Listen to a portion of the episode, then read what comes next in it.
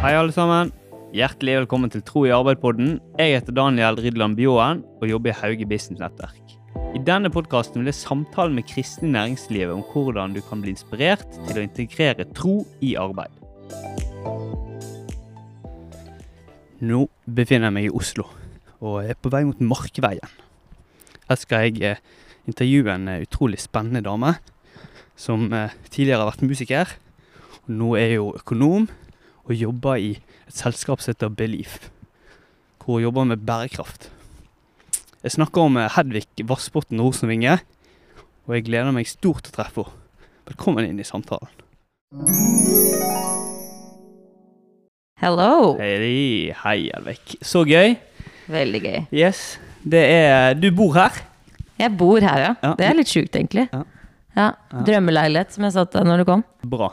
Hvor, hvor lenge har du bodd i Oslo? Du, jeg flytta faktisk til Oslo da jeg gikk på videregående. Ja, Så jeg har bodd her uh, over ti år nå. har du det? Mm.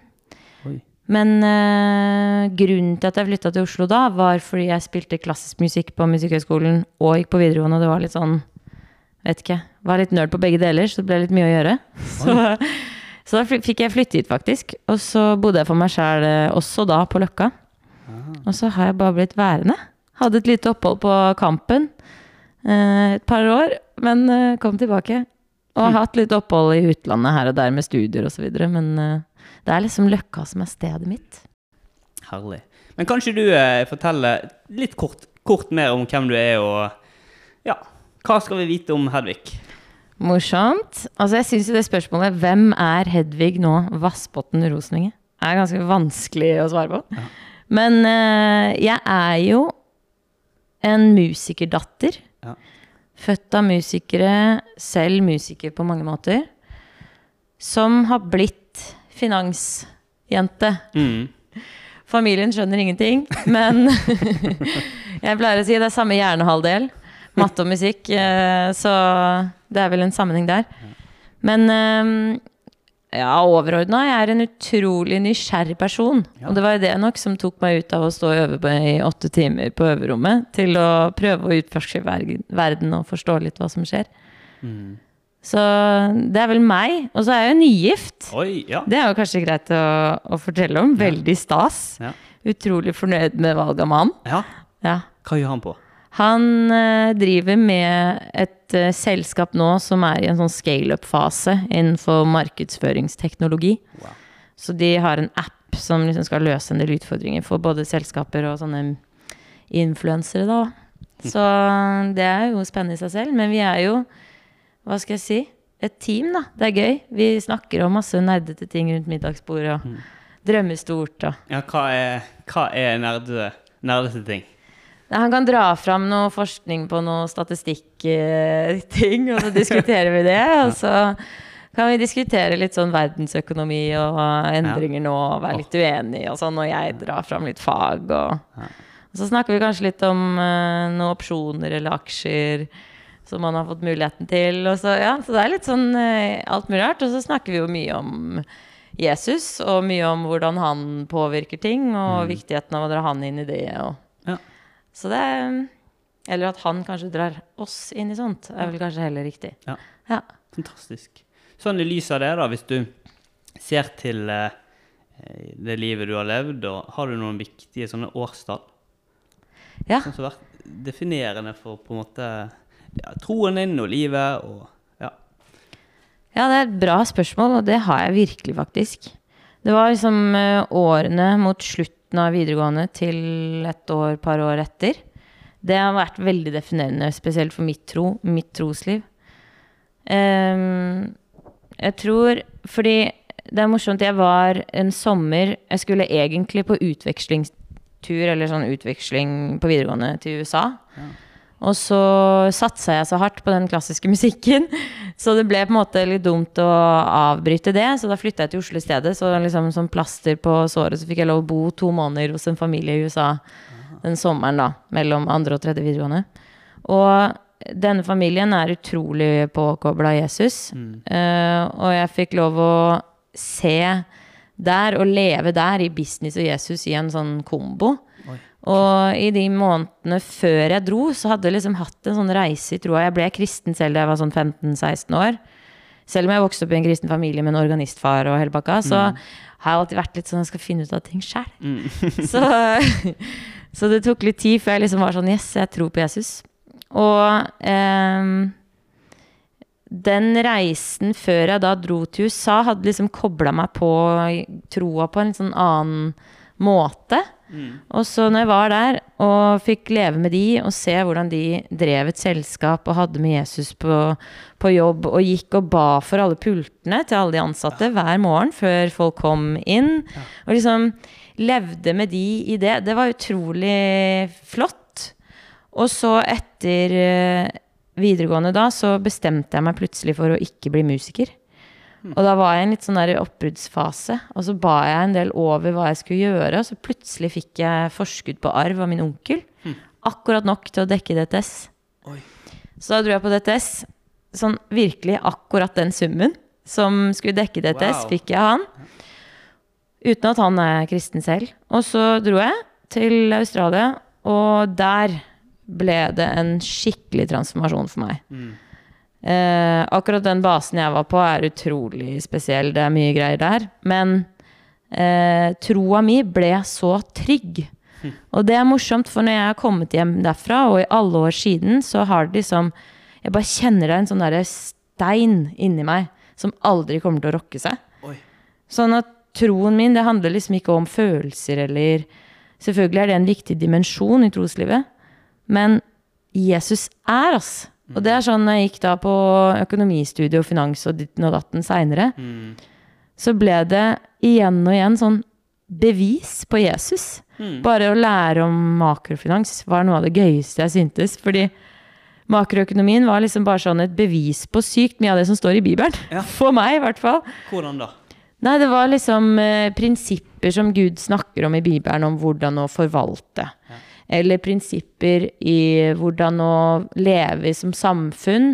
Sånne syvårsperioder, f.eks. Det har man også sett i Finland, annet. At det som er den optimale måten å drive på. Og de er jo ikke kristne som snakker om det. Det var masse sånne ting som for meg ble sånn trosstyrkende. Skikkelig igjen og igjen. Og så mm, så virkelig de der årene fra, fra videregående og liksom ikke bli musiker og dra på DTS og bo i USA og ditt og datten, det har liksom satt et skikkelig fundament for meg. Og har gitt meg en sånn frimodighet, altså.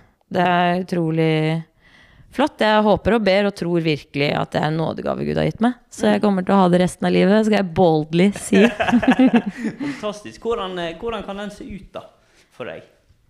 Den, eh, den eh, Det at Den tryggheten du snakker om, da. Hvordan ser den ut for deg i praksis? Ja, det er morsomt. Det varierer, tror jeg. Ja? Og så tror jeg det varierer fra kontekst til kontekst. I noen uh, jobbkontekster så handler det nok om å ha en ureddhet i forhold til å Og en evne til å navigere i forhold til uh, For eksempel, jeg opplevde på jobben en dag hvor um, Og det er virkelig ingen troner rundt meg.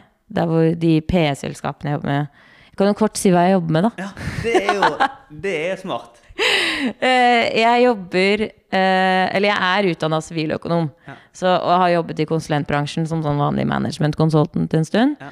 Og så ble jeg litt lei av Line slides eh, og powerpoints, som sikkert mange kan kjenne seg igjen i hvis de jobber i samme type bransje. Og var litt keen på å se litt nærmere på hvordan man kan jobbe med bærekraft i praksis og i et mye mindre selskap, for da kan man få lære mer og ha mer påvirkning og bla, bla. Så det gjorde jeg. Hoppet over i et selskap med tre ansatte som heter eh, Belief Group. Um, og vi jobber da med bærekraft i uh, litt forskjellige pilarer, hvor jeg har ansvar for finansbransjen. Så jeg jobber mye med private equity og family offices på hvordan de skal håndtere sine porteføljer av selskap innenfor bærekraft. Alt fra lovverk og sånt fra EU, og også sånn hva de skal gjøre for å faktisk ha en påvirkning på utslipp og de målene de setter seg og, og sånn. Så jeg er liksom en rådgiver der, da. Og jobber også litt med sånn analyser i oppkjøpsfaser og ser litt på hvordan bærekraft påvirker verdi. Ja. Så det er liksom min, min jobb. Og så er det jo noen av disse private equity-selskapene. Altså det er morsomt, for man snakka med en venninne om dette forleden dag. At i kristne kontekster så snakker man litt om at vi er liksom i en boble, og man har et, et vokabular og en sånn måte å leve på. Liksom man, man blir så like hverandre, og at det er viktig å være litt sånn uti der og bli, ikke bli for boble, liksom. Ja. Uh, og det, det mener jeg, det tror jeg er utrolig viktig. Men, men uh, PE-verden er akkurat lik. Det er en sjargong, det er et interessefelt alle skal ha. Det er liksom veldig sånn like type holdninger. Så jeg jobber mye med de på mangfold, by the way. Men det er en annen prat. Men uansett. Så var jeg der da i lunsjen, og så begynner de å snakke om sant, fullstendig enighet om at Bibelen er tøys, og, og liksom ja, det er bare bla, bla, bla. Og da må jeg navigere. ikke sant? Hvordan kan jeg være litt tydelig, Mm. men samtidig ikke drive med sånn derre at work-misjonering? Fordi du blir ganske um, latterliggjort, da, heller, hvis du begynner på det i et sånn type område. Mm. Så da måtte jeg rett og slett bare call out facts. Og det var litt morsomt, for da kjente jeg sånn en skikkelig trygghet i i- liksom, Det er jo Gud prater jo med oss hele tida. Mm. Så det er vel kanskje det jeg kjenner litt på ofte, da, at liksom Gud er. Sånn at han gir jo også trygghet til sånne ting. Så jeg måtte bare si at du, Jesus var jo en historisk bevist eh, person. Ja. Og han gjorde jo ting som er liksom bevist at han gjorde. Ja. Så akkurat det er kanskje ikke helt riktig. Ja. Og så bare sånn, ja greit. Og så begynte han å prate om noe annet, og så måtte jeg motsi det òg, da. Så liksom, det er vel sånn at Gud er skikkelig til stede alltid, og jeg kan liksom bli minnet på det noen ganger når det er sånne ting som skjer. Men også en sånn trygghet i at eh, Vi skal kanskje snakke mer om det etterpå, men, men eh, ja, at ikke jeg må streve for å være god nok for han. Mm. Ja. Og at det handler mer om å bare leve med han i alt. Ja. På sånn stort og smått. Mm. Så han er, han er med når jeg har utfordringer på jobben og liksom lurer litt på hvordan jeg skal løse det, så bare ah, Gud, hjelp meg litt her. Og så skriver jeg, holder på, og så finner jeg alltid en løsning. Og det er jo ikke jeg som er sabla smart. Altså, Gud er jo med på det òg, på en måte. Hva tror du er Tror du at mange kristne i arbeidslivet da kan kjenne på den der at eh, de må eksplisitt si mye Mm. hele tiden? Eller den der, hvor, hvordan balanserer du det der med at jeg jobber og gjør en god jobb, men jeg har òg lyst til å vise hvem Jesus er. Når skal han liksom fronte? Mm. Sånn som du klarte det der, da. Det eksempelet du hadde med at du Ja, her må vi vise til fakta. Mm. Her, her skal hun ikke si alle mulige andre ting, men jeg, jeg sa det. Mm. Var du med på Ja.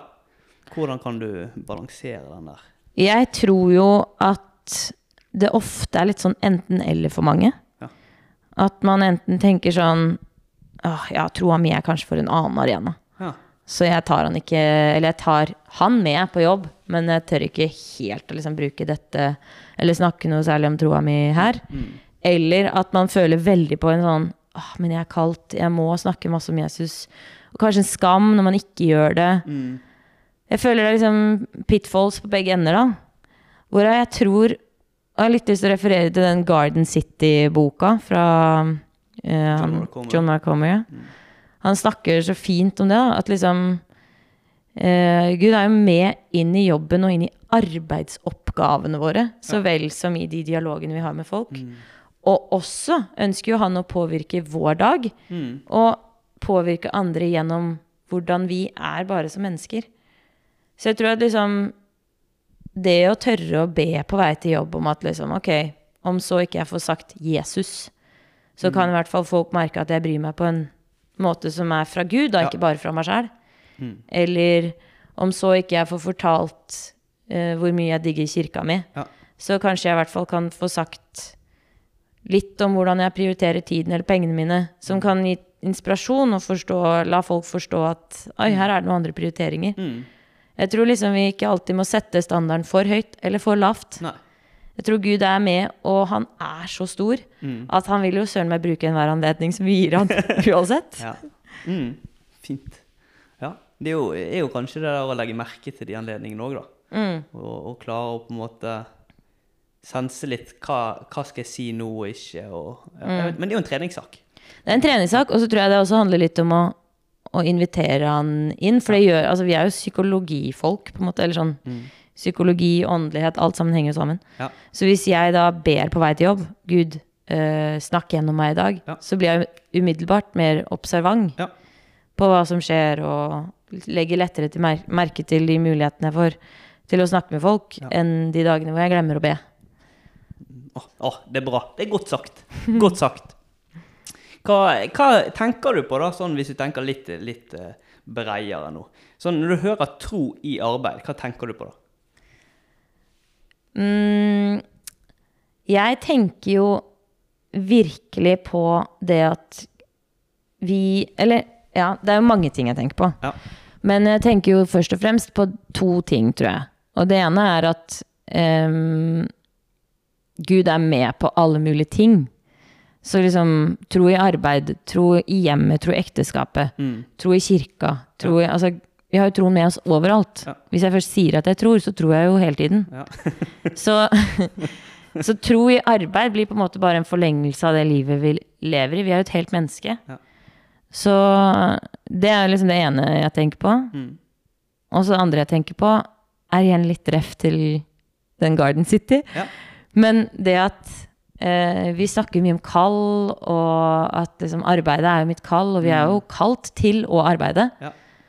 Um, men da også viktigheten av å leve i kallet, helt uavhengig av om man føler at jeg er på rett sted, eller Ja. jeg må bare vente til ditt og datten. At liksom å leve i det arbeidet jeg har nå, helt uavhengig av hvor fan jeg er av jobben, eller hvor mye jeg tror at det var dit jeg skulle være, Ja. å leve med Gud i det, og la Han påvirke alle oppgaver jeg gjør, helt uavhengig av om jeg selger på Rema, eller jobber med drømmefondet i Afrika. Ja. Eller sånn. Ja. Mm. Hva, er, hva er kall for deg? Hva legger du i kall? Jeg legger en overbevisning om noe som jeg skal gjøre med livet mitt, som er med å bygge Guds rike. Ja. Og jeg tror det ser kjempeforskjellig ut for forskjellige mennesker. Og så kjenner jeg når jeg hører ordet kall, så blir jeg skikkelig gira. Mm. Jeg blir sånn åh, For hva er egentlig mitt kall? Det er jeg ikke helt sikker på. Nei. Men jeg tror det handler om mennesker, utvikling, skaping. Ja. Og noe som er bærekraftig og langsiktig for både verden og mennesker. Ja. Og så er det sykt bredt. Mm. Og så håper jeg det handler om utviklingsland og Afrika og sånne ting. Og så håper jeg at jeg lever i kallet mitt nå ved at jeg er på vei. Åh, det er så bra. Retning. Ja. Her underveis. Jeg husker det, det var en som sa til meg at eh, målet er å være underveis. Mm. Ja. Ja, men det er sant, for det er vi jo hele livet uansett. Ja. Og så vet man ikke Plutselig så Nå er det veldig dramatisk, kanskje, men plutselig så blir jeg påkjørt da, ikke sant? Ja. Men, men da har jeg uansett levd i kallet mitt hele, hele veien, og kommer til å fortsette å gjøre det hvis jeg er skada, da. Fordi at eh, vi lever jo underveis og er på vei en eller annen vei og retning uansett, og Gud bruker oss så frem til vi bare sier 'bruk meg'. Ja. Så ja. Ja. Jeg håper du svarte på Ja, ja, nei, helt supert. Men um, kall og det å følge Jesus, hva, hva er det som driver deg til å følge Jesus, eller som etterfølger av Jesus? Hva driver deg? Ja, det er et stort uh, hva som driver meg. Det første jeg tenkte på når du sa var etikk og integritet. Fordi Gud er den beste ledestjernen, og Jesus er den beste ledestjernen på beste etiske og langsiktige valgene for verden. Mm. Når jeg tror at noe er best her og nå, så burde jeg konsulte med han Ja. for å finne ut av hva som er best long term. Ja. Um, Hvordan ser det ut når du konsulter med eh, Jesus? Jeg vil kjenne på, for jeg tror jo at Gud snakker til eh, folk på forskjellige måter. Ja. Og jeg er ikke sånn som hører sånn skriften på, eller ser skriften på veggen, eller hører sånn Mm. ting, eller våkner på natta og bare Aha, det var det Gud ville. Men jeg er vel kanskje mer sånn Jeg er en følelsesperson, samtidig som at jeg selvfølgelig er litt logikk med Ja. tanke på finans. Men det er jo der miksen mellom musikk og finans sikkert kommer litt, da. Mm. Jeg er skapt som et følelsesmenneske. Og jeg tror da Gud snakker mye til meg i følelser. Så hvis jeg sitter i en kontekst med, med noen kollegaer og kjenner at ah, her er det noe, ikke sant? så prøver jeg å liksom spørre Gud. Og så, og så tror ikke jeg at For meg i hvert fall så skjer det veldig sjeldent. At jeg får sånn Løsningen. Ja. Men, men det da liksom fortsette å være på vei, litt som vi snakka om, og bare gå videre og liksom si Gud, ta plass, liksom. Mm. Og stole på at han vil gjøre det. Ja. Det er vel kanskje mitt svar på det spørsmålet. Ja. Sånn på jobb, da, hva er, hva er viktig for deg eh, med, med å følge Jesus på jobb? Når du er på jobb, når du er en arbeidstaker, Mm. hva er viktig for deg som tror på Jesus da? Det er å prøve å være god til å bli leda. Ja. Det var noen som sa til meg for å bli en god leder, så må du være god til å bli leda. Hm, smart. Og det prøver jeg å leve litt etter også, i forhold til at liksom, det er jo noen ganger jeg helt ærlig kan si at jeg er fullstendig uenig med sjefen. Eller ikke syns Og det er ikke av etiske årsaker. Altså det er bare sånn Jeg vil ikke. Eller litt sånn dårlig holdning, da. Mm. Og det å prøve å bare sånn ah, bro, ok, gud, hva, hva er best overfor han her, på en måte? ja. Eh, det må jeg ta meg i en del. Så det er vel eh, Fordi du lurte på hvordan å leve med Ja. Ja. Mm, hva er viktig for deg? Eh, Ja. Følge Jesus på jobben. Ja. Og hvordan, hvordan kan det se ut? Hvordan kan du integrere det? Jeg gjør det på noen forskjellige måter, og jeg, det, jeg tror det er viktig både det å ha sånne praksiser for å la seg ha noen rammer som er gode for å leve med troa. Mm. Så tror jeg også det er viktig å ikke være for streng. I hvert fall for meg, da. Men uh, noen ting jeg gjør, er at når jeg går på do og sånt, så ber jeg litt sånn smått og bare Gud, bruk meg i dag. Ja. Eller hvis det er noe jeg har prata med noen om, bare legge det i Guds hender. Ja. Hvorfor jeg gjør det på do, det vet jeg ikke. Ja, en fin, Men- fin, pau, fin pauson, Fint. da. Ja, det er det. Ja. Og så flekker jeg opp mobilen og den bibelappen. Ja. Eh, kanskje to-tre ganger hver dag. Ja. Eh, og veldig sånne enkle ting. Og en annen ting som jeg lærte faktisk på det testen som jeg gjorde, er at hver gang jeg ser folk som ligner eller minner meg på noen, så Mm. ber jeg for dem. Ja. Enten om det er på gata eller på jobben. Mm. Og så er jeg veldig sånn Jeg prøver å eh, bruke tid rundt folk som er businessfolk som tror på Jesus. Fordi det Selv om ikke man liksom får løst de store problemene alltid, eller bedt Kanskje man glemmer å be, så allikevel så er Gud midt iblant de, så fremt man er mer enn én, da. Mm. Og vil påvirke i det. Ja. Så det å liksom la meg påvirke mer av kristne eller folk med Jesus Mm. enn bare folk som er utenfor. Mm. Så det var tre ting. Den siste tingen er også det å liksom bruke tid hjemme eh, sammen med min mann i bønn Mm. i tide og utide. Og kirke. Mm. Fordi jeg, jeg tror det er viktig, liksom, de tingene praktisk på jobb, å liksom be litt. Og, og når jeg står overfor i samtale, så er det sånn Ok, Gud, prøver å sjekke opp. Ja. Det var en på også dette jeg testen var sånn Arrow up. Arrow, arrow, arrow up. Arrow up. Det var liksom en låt. Man lage en låt, ja. Ja, ja. En bit. En bit. Og det minner jeg meg ofte på i prat. Ja. Og det å gå på do og liksom be. Det er liksom praktisk på jobb. Men jeg tror det er vel så viktig hva man gjør hjemme. I kirka på søndager eller Og i hverdagen ellers. Mm. For man må skape liksom en ramme for å faktisk over tid ta de gode valgene. Ja. Tror, tror du at eh, det kan være Altså, vi, vi formes jo av det vi gjør, Mm. sant? Så tror du at de praksisene der former òg hvordan du jobber, eller holdningen din på jobb? Ja, Altså at garantert. Men, men liksom også Gud uh, former oss også helt uvisst, da. Ja. Det tror jeg er lurt av han. For ellers hadde vi gått rundt og tenkt at det var vår egen cred. Ja. Eh, så jeg tror også over tid, når man tar gode valg, og liksom kroppen skjønner at det var smart, eller Mm. troen, et eller annet, ånden forstår, så vil man bli bedre og bedre på det, for det blir gjenkjennbart mm. mer og mer. Ja. Har du, har du noen eh, eksempler eller historier på arbeid, da? Der, eh, der det praktisk kom til uttrykk, det å følge Jesus på jobb? Sånn, nå har du nevnt tidligere med Mm. den, eh, den facts, altså få fram fakta. Mm. Har du andre historier der du på en måte Ja, der troen kom til uttrykk i, i en jobbsituasjon? Ja, jeg må bare si en liten side note på den historien med facts. Ja. At jeg etterpå tenkte sånn Å, søren, jeg burde liksom sagt eller gjort noe mer. Ja. Uh, og jeg kan jo kjenne at frimodigheten noen ganger skorter, nettopp fordi jeg ofte tenker på sånn Hvordan Ok, jeg må ikke være for mye. Og jeg har jo vokst opp med mest ikke-kristne venner, og, Mm. og jeg er veldig takknemlig for det. Fordi det også er en veldig trygghet og godhet å diskutere tro med de. Og Men det, det kan være liksom min nedside noen ganger, at jeg kanskje ikke er frimodig nok. Mm. Men øh, oh, Eksempler på jobb. Jo, altså, i den tidligere jobben min, da, Mm. Så var det et prosjekt hvor eh, det var en jeg jobbet med som jeg opplevde som eh, ikke liksom Mamma påstod at han var kvinnediskriminerende, men det syns jeg var litt vel å ta i. Det var vel heller at hun vet du, den gamle skolen, hun er liksom businessdama i familien vår. Hun er mannen i vår familie som snekrer og holder på. ikke sant? Det skal være litt sånn kvinneforkjemper. Ja. Anyways, så han eh, Men han, det var liksom veldig utfordrende samarbeid med han. da. Og så kjente jeg også at liksom i flere kontekster så var det sånn han tok cred for hva jeg hadde gjort. Og, Ja. og du vet, ny i næringslivet har litt lyst til å komme deg litt opp og frem. Og litt lyst til å få creds. Mm. Så jeg kjente skikkelig på den der Å, jeg har så lyst til å få creden for det jeg har gjort, liksom. Ja. Og så er det jo rimelig på en måte, fordi Ikke sant? Men på den andre siden så var det sånn Jeg kjente at jeg begynte å jage etter det. Mm.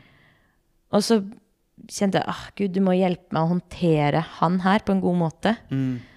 Og så ble jeg liksom sånn Jeg kjente Gud var sånn Du skal, du skal være god med han, du. Du skal liksom spørre han om hvordan han faktisk har det.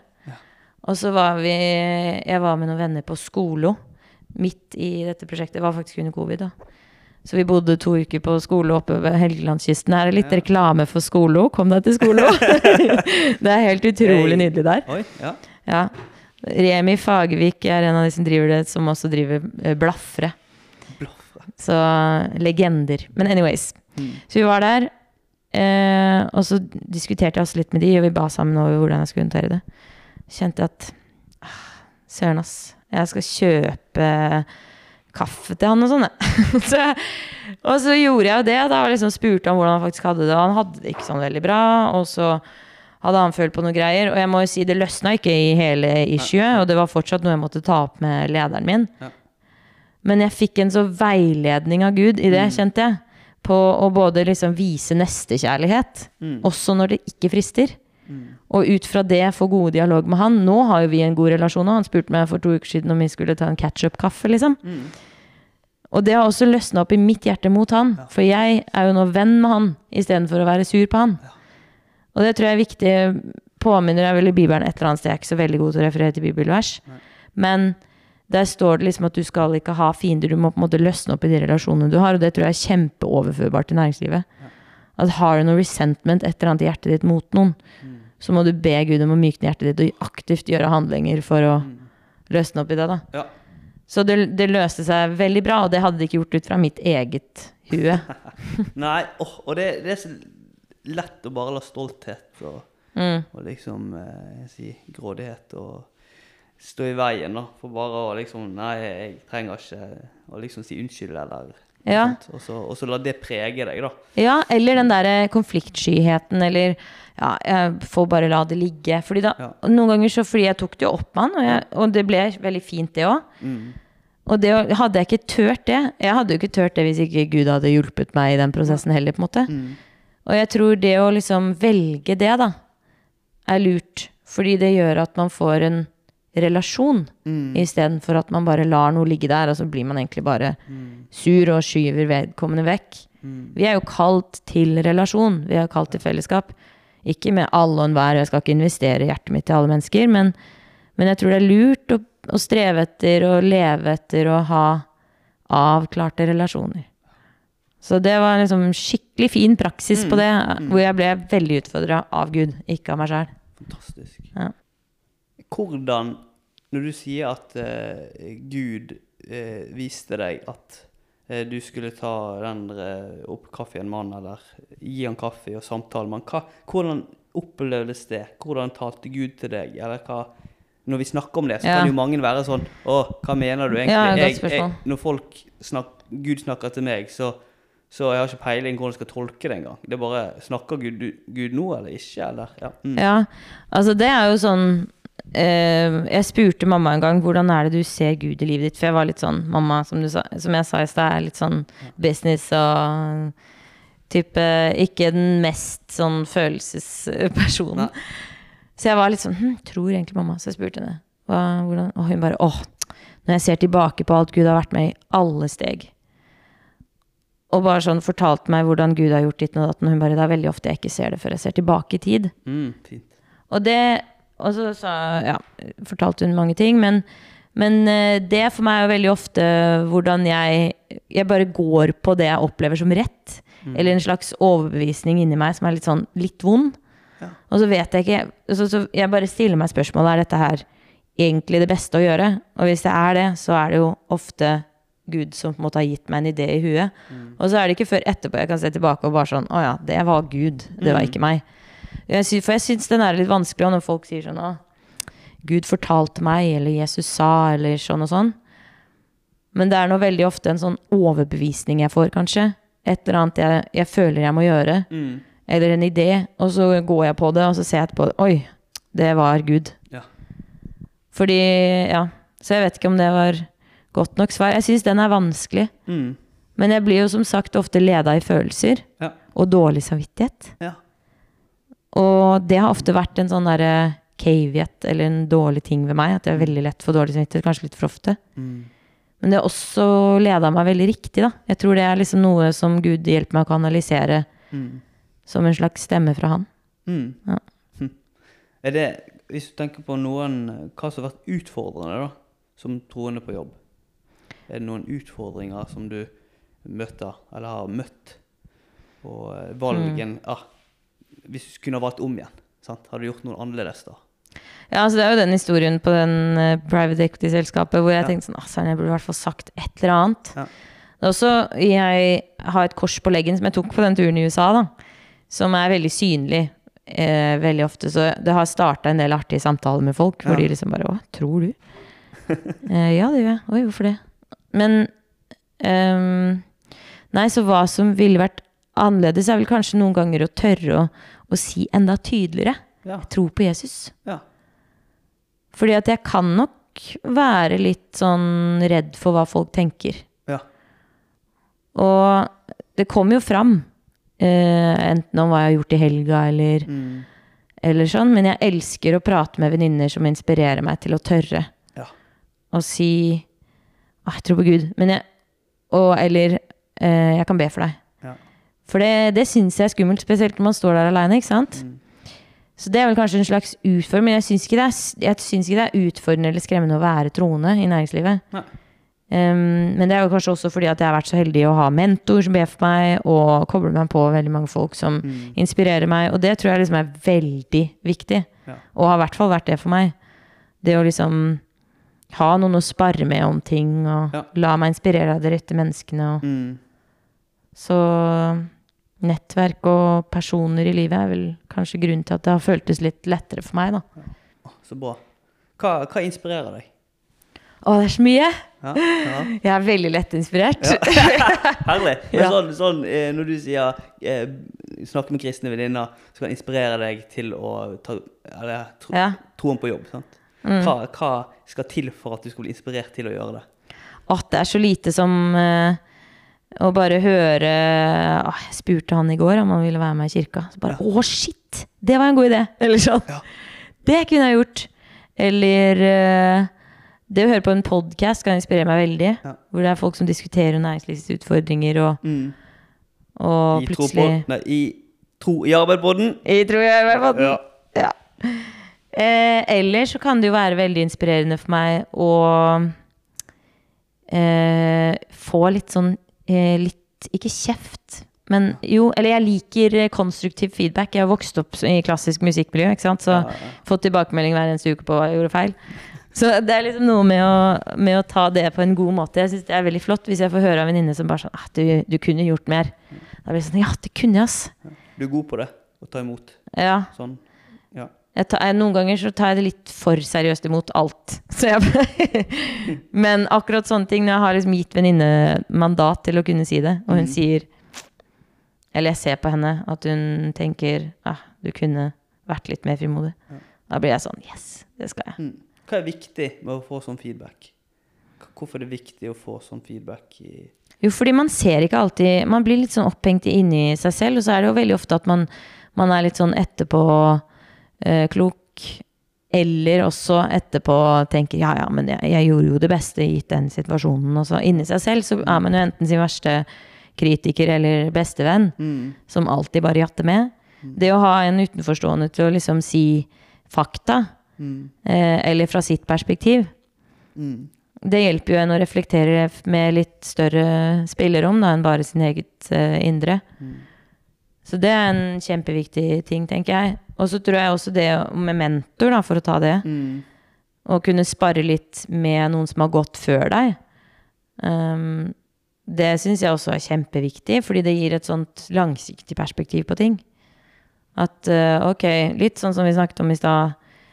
Jeg står i det her, og det syns jeg er kjempeutfordrende, men i det lange løp så er det kanskje egentlig ikke det. Nei. Ja. Mm. Nå har jeg jo vært innom eh, mye. Det, de, dine betraktninger rundt det å jobbe og tro på Jesus i jobb. Og eh, hva som er viktig for deg, og hva som driver deg. Mm. Nå skal vi ta og eh, se litt fram. Litt. Yes. Gøy. Så da er det Hvis, hvis du ser til framover, da. Ja. Hva, hva årstall kommer til å bli viktig? Oi! Hmm. Eller hvilket? Du kan, du kan nevne ett eller to. Eller. Jeg føler liksom på en eller annen måte at 2025 ja. eh, Litt nerdete sagt, så er det jo da fem år til 2030, og det er ganske mange sånne bærekraftsmål. og da vil veldig mange liksom ta en støt, og det blir mye å lære. Neida. Men personlig så tror jeg kanskje 2025, men noe av grunnen er jo da liksom Da har vi vært gift i to år, det kan hende at vi da begynner å tenke barn og liksom sånn. Så det blir jo en sånn der veldig overgang Mm. Eh, som jeg syns Jeg er jo ikke sånn der tradisjonell jente som drømte om å bli gift og få Nei, barn, men jeg vil veldig gjerne ha familie og elsker at jeg har gifta meg med bestekompisen min. Ja. Og liksom Det blir veldig gøy å, å holde på med det med han. Ja. Så det, det er liksom noe jeg tenker på. Kanskje noe skjer i 2025. Kanskje man ikke kan få barn. At det er noe som skjer i 2025 pga. det. Det kan jo være litt vondt. I don't know. Så jeg vet ikke, 2025 føler jeg også at liksom Da har jeg lært litt mer. Da har jeg vært i næringslivet siden 2018-2019. Da har jeg vært der liksom en, litt mer enn bare nå fire år, da. Mm. Og så kanskje 2040 blir en tid. Mm. Fordi, eller i hvert fall det tiåret 2040-tiåret. Ja. Fordi jeg gleder meg veldig til å være litt sånn vis og gammel og, og sånn, jeg. og litt gæren allikevel. Ja. Sånn, kanskje hoppe i fallskjerm Ja. da. Ja. Kanskje Vet ikke. 20-40-årene, da føler jeg også at kanskje jeg kan si at jeg har gjort noe med Jeg fortalte jo deg når du kom at vi drar til Kenya hvert år. ja, fortell om det. Ja. Nei, altså Jeg satt jo da foran PC-en min og holdt på med de slidesa, da, og så kjente jeg sånn åh, Jeg skrev en masteroppgave om eh, finansiell risiko i Afrika sør for Sahara, og har hatt en drøm lenge om å kanalisere mer privat funding til prosjekter i utviklingsland, fordi jeg tror jo veldig på den litt sånn forplikta pengemassen som krever litt return, og følger opp og liksom Mm. men så tror jeg at uh, utviklingsland selv har svaret på sine utfordringer. Jeg tror ikke vi skal komme der. Og, ikke sant? Så det å liksom være med med lederskap og penger, det har jeg skikkelig troa på. Og Jesus, selvfølgelig. Men, men så det liksom har lenge vært drømmen min, å liksom lære litt om hvordan business fungerer i Afrika og sånn og sånn.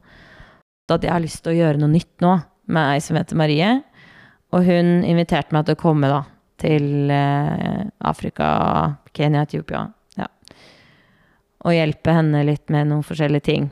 Så vi snakket litt over noen måneder, og så, og så var det liksom spennende, men det ville ikke la seg gjøre ennå. Mm. Så møtte jeg Kasper, og så sa jeg til han du, jeg skal til Afrika, så jeg er egentlig ikke så keen på kjæreste. Men han bare, jeg blir med. Og vi ble jo kjærester og bestevenner, og han ble med. Så vi endte faktisk opp med å dra til Kenya, da. Ja. Og bo der et halvt år og fikk dekt opphold, men ikke noe lønn og sånn. Og jobbe da med tech-startups og litt sånn food waste-prosjekt og litt startups og litt ditten og datten. Og bare bistå og rådgi og lære masse om kultur og investeringer og veldig gøye ting. Og skaffet oss et miljø der. Og jeg har jo, ikke sant Apropos det å være på vei. Jeg har jo en drøm om at det her kanskje er ett steg i rett retning for å gjøre noe jeg kjenner inni meg. Bare sånn, ah, uh, fire, Yes, ikke sant? yes. Så eh, vi var der et halvt år, og så bare kjent at shit, vi skal tilbake igjen, igjen og igjen. Så vi jeg fikk en ny jobb mens jeg bodde der, eh, og fikk i kontrakten med denne jobben at eh, hvert år, januar og februar, skal jeg få lov å bruke i Kenya. Så jeg får lov å ta med meg jobben dit. Uh, Kasper jobber uansett med en sånn remote jobb. Mm. Så vi tar med oss jobbene våre til Kenya, jobber derfra. Og så følger vi litt opp Tech Startups og eh, driver og besøker litt familie og venner der. Og litt sånn familien i Hervolstad, henger litt med de.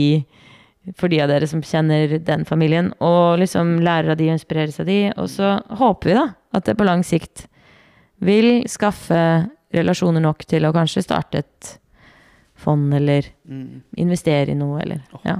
Utrolig gøy. Så nå har du har jo pinsja litt bort til neste spørsmål. Neste spørsmål. Mm. Men eh, hva, hva drømmer du om framover? Men du, jeg drømmer om så mye. Ja, ja, men da er dette en del av det. Det er en del av det. Og så drømmer jeg om å bo i Lofoten lenge, fordi jeg har lyst til å starte et prosjekt der. Ja. Uh, som handler om bl.a. ungdommer som har dette litt ut av ungdomsskolen, og så Ja. kommer de litt tilbake i løpet av sommeren, og så bruker man det til næringslivet, og bla, bla, bla. Og så drømmer jeg om å, å starte familie, selvfølgelig, og ha med de på alt dette gøye i verden. Og så drømmer jeg om å forstå mer om hvordan verden henger sammen. Ja. Da jeg var liten, så drømte jeg egentlig om å bli antropolog. ja. Eh, og så fikk jeg ikke helt lov til det. Nei. Så jeg tenker kanskje en gang blir jeg det allikevel. Ikke lov, faktisk. Nei, mamma mente det var et dumt valg. Det er morsomt, da, fordi hun er musiker. Jeg mener det er liksom enda Men, men. Fint. Men sånn eh, Nei, og så drømmer jeg jo om å, å møte masse mennesker og starte masse gøy og oppleve ting og drømmer om å få lov å være der på en god måte for familien min midt oppi alle disse drømmene. Altså så drøm, det er mange drømmer, da. Oh, fint, da. Det å ha ja, drømmer for uh, Nå blir jo familien inkludert i dette, da. Ja. Det, det er jo en fin ting. Å drømme stort med flere. Ja. Ja, og Og fellesskapet er bare så himla viktig. ja, det er så viktig. Ja. Det er så viktig. Og det har du vært mye innpå. Viktigheten av å ha folk i livet ja. som speiler deg, og som en kan stå sammen med og snakke. Mm. Det er jo fort det at hvis du ikke, i hvert fall kan jeg erfare, hvis du ikke lufter det du tenker Mm. lenge nok, så kan det bli sant. ja. Det er så sant. Og så blir det bare i kroppen noe. Ja, ja. Sant? Og så blir reaksjonsmønster, eller handlingsmønsteret ditt nesten sånn som du egentlig tenkte først. Ja. Ja, det er veldig, veldig fascinerende. Det er veldig fascinerende. Herlig. Da går vi for en landing, eh, Hedvig. Det var utrolig gøy å ha deg med. Mm. Og så har vi et uh, spørsmål nå til lytterne som sitter her og tenker på dette her var jo en knakende god dame, og uh, mye vist å si. Så da tenker jeg at uh, Eller hva tenker du at lytteren først og fremst kan sitte igjen med? Etter en ferdig Oh, jeg tenker jo sånn Én ting, da, er jo at hvordan man tar med Gud og troen på jobb og sånn, ser veldig forskjellig ut fra person til person. Ja. Og vi er jo kalt som en kropp, altså det vil si masse forskjellige typer roller og evner og, Mm. og men, men husk at Gud er der uansett hvordan du klarer eller ikke klarer å gjøre det i praksis. Ja. Og øv det. Bare liksom tørr ett steg av gangen. Ja. Fordi, fordi Gud bruker det, ass, hvis du vil at han skal det. Mm. Så det håper jeg. Og så at kanskje min historie er litt mer sånn eh, random, eller vet ikke. At man kan lytte og tenke ah, kjenner seg litt igjen, eller kjenner seg ikke igjen i det hele tatt. Jeg bare håper at man liksom tar med seg at ting kan skje forskjellig ut fra person til person. Ja. Og så håper jeg også kanskje det at uh, Husk å ta med deg og velg gode folk i livet. Ja. Fordi de preger deg enten du vil eller ei. De man velger å være rundt. Mm. Implisitt som eksplisitt. Mm. Både de som gir meg feedback på at jeg burde eller ikke burde, og de som bare ikke sier noe som jeg er rundt. Så velg folk med forskjellige kvaliteter og karakterer, og, som fyller forskjellige sider av deg, men som er gode, bra folk. ja. Fordi, og som har med Jesus hjerte, og som ikke har det. La deg også inspirere av folk som ikke tror. Mm. Fordi en av mine aller beste venninner er eh, fullstendig ate ateist. Mm. Hun er helt rå! Og vi har så mye bra samtaler om tro, om business, om verdensøkonomien. Og vi lar, lar hverandre inspirere av hverandre. Mm. Så ta med dere det. Jeg vet ikke om det var noen oppsummering i det hele tatt, Jo, men supert. Supert, Hedvig. Det er helt rått. Nei, men supert. Takk for din tid. Og så får du ha en eh, velsignet eh, tid videre i jobb og livet og som uh, ektepar og alt. takk! Herlig. Gøy å møte deg, ass. Ja, Gøy å være med på dette. Ja, veldig Ja. gøy. Vi snakkes. Det gjør vi. Ha det godt. Ha det. Tusen takk for at du lyttet til Tro i arbeid-podden. Hauge Business Nettverk er et pulserende og inspirerende nettverk som eksisterer for ære Jesus gjennom business og kreativitet. Det betyr at vi hjelper mennesker, bedrifter og organisasjoner å vokse. Her kan du spille en viktig rolle med dine talenter og gaver. Har du, eller kjenner du til, en historie fra næringslivet, så ville det vært fantastisk om du sendte meg en melding på post alfakrøll haugebusiness.no. Og Hvis du i tillegg vil bli med i et miljø av nyskapning, vekst og utvikling, så er du hjertelig velkommen til å sende meg mail på samme mailadresse. Post alfakrøll haugebusiness.no. Sammen når vi lengre. Veldig kjekt å høre fra deg. Gud velsigne deg og ditt arbeid.